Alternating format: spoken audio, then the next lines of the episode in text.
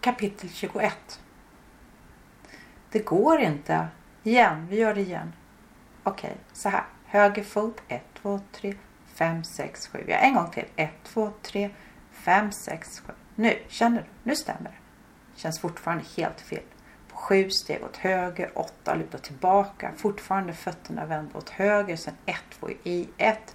Korsa vänstra benet runt det högra som när man är kissnödig. Snabbt sätta av på tre. Stå kvar på högra. Sätta av med vänstra. Snurra armbågen rakt fram. Ta sats med axlarna. Stå kvar. Snurra ett varv till. Extra fart. Snurra igen. Vinglar. Snurrig. Kanske är salsa för svårt. Kanske nått min gräns nu. Det gick ju bra. Mannen min ler stort. Tittar på honom. Nickar. Skrattar. Bra, tror inte det fortsätter att skratta. Jo, det gick jättebra. Ser proffsigt ut.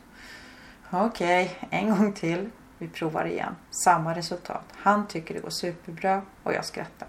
Igen, en gång till. Går upp för trapporna. Måste tända lampan. Redan? Så fort kan väl inte dagen gått? Nu är det för mörkt för att måla. Dumt. Skulle starta tidigare. Bara funderat på början, början hit och början dit minikortfilmfestival på TV. Tycker om kortfilmer. Ingen början och öppet slut. Eller var det bara de här som var så? En tillfällighet? Det är nog svårt att göra film. Bestämma vad som ska vara med, hur det ska se ut, vilka personstyper det ska vara. Undrar i vilken ordning det bestäms. Olika säkert. Undrar om det är svårt att filma kort eller långt. Svårt på olika sätt kanske. På bio, det var länge sedan. När var det? Vilken film? Kommer inte ihåg. Ja förresten. Kanske var det... Var det inte Turner, konstnären? Nej, var det så länge sedan? Lunchbox, den vi såg på båten? Nej, men det var också länge sedan. Nej, kan inte ens googla efter svaret. Titta på filmen. Titta på mobilen. Våga. Våga inte. Våga. På skärmen står det ljudfil, intervju. Vill lyssna, vill inte lyssna, vill lyssna. Whatsappar sonen. Du hade filmat och fotat på vernissagen. Har du lust att skicka det till mig? Stort hjärta, smiley, hjärtögon och luftpuss. Väntar. Vågar, vågar inte. Pling, pling, pling, pling. Titta på skärmen. Ser att flera foton och en film kommit. Oj, vad många. Den ena har jag redan använt till Instagram och LinkedIn. Smiley, smiley med hjärtögon och många luftpussar. Perfekt bra, rappar sonen tillbaka. Öppna bilderna, klicka på filmen, se mig själv, hör mig själv, väntar, lyssnar. Känns faktiskt okej. Okay. Skäms inte. Känner ingen rodnad spridas över kinderna, ingen gråt i magen.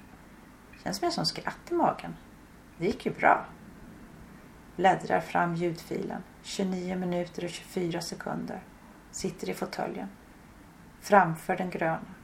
Klickar på pilen. Skrapande ljud. Först journalistens röst. Sen min. Normal. Den låter helt normal. Vilken skillnad. Sex år sedan var den senaste intervjun. Ett radioprogram. Vet inte varför de besökte min studio. Det var på en studioutställning under öppna ateljéhelgen.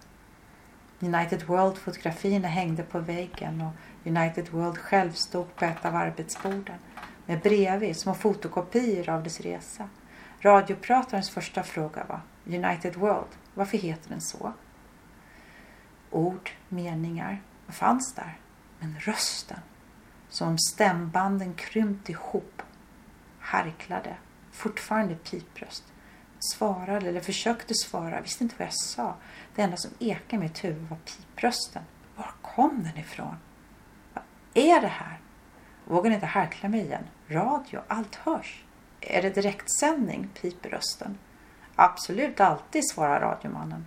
Känner hur kinderna blir röda och är ändå lite glad. Det är åtminstone inte TV. Enfaldig, naiv eller bara önskan att så hemskt kan det väl ändå inte vara. Vet inte vad det var som gjorde att jag letade upp radiokanalens hemsida. Tryckte på knappen. Lyssnade på reprisen. Det var precis så hemskt. Radioprataren ställde bra frågor och det kom pipande, lätt förvirrade svar. Intervjun pågick hur länge som helst. Det blev inte bättre. Stackars United World.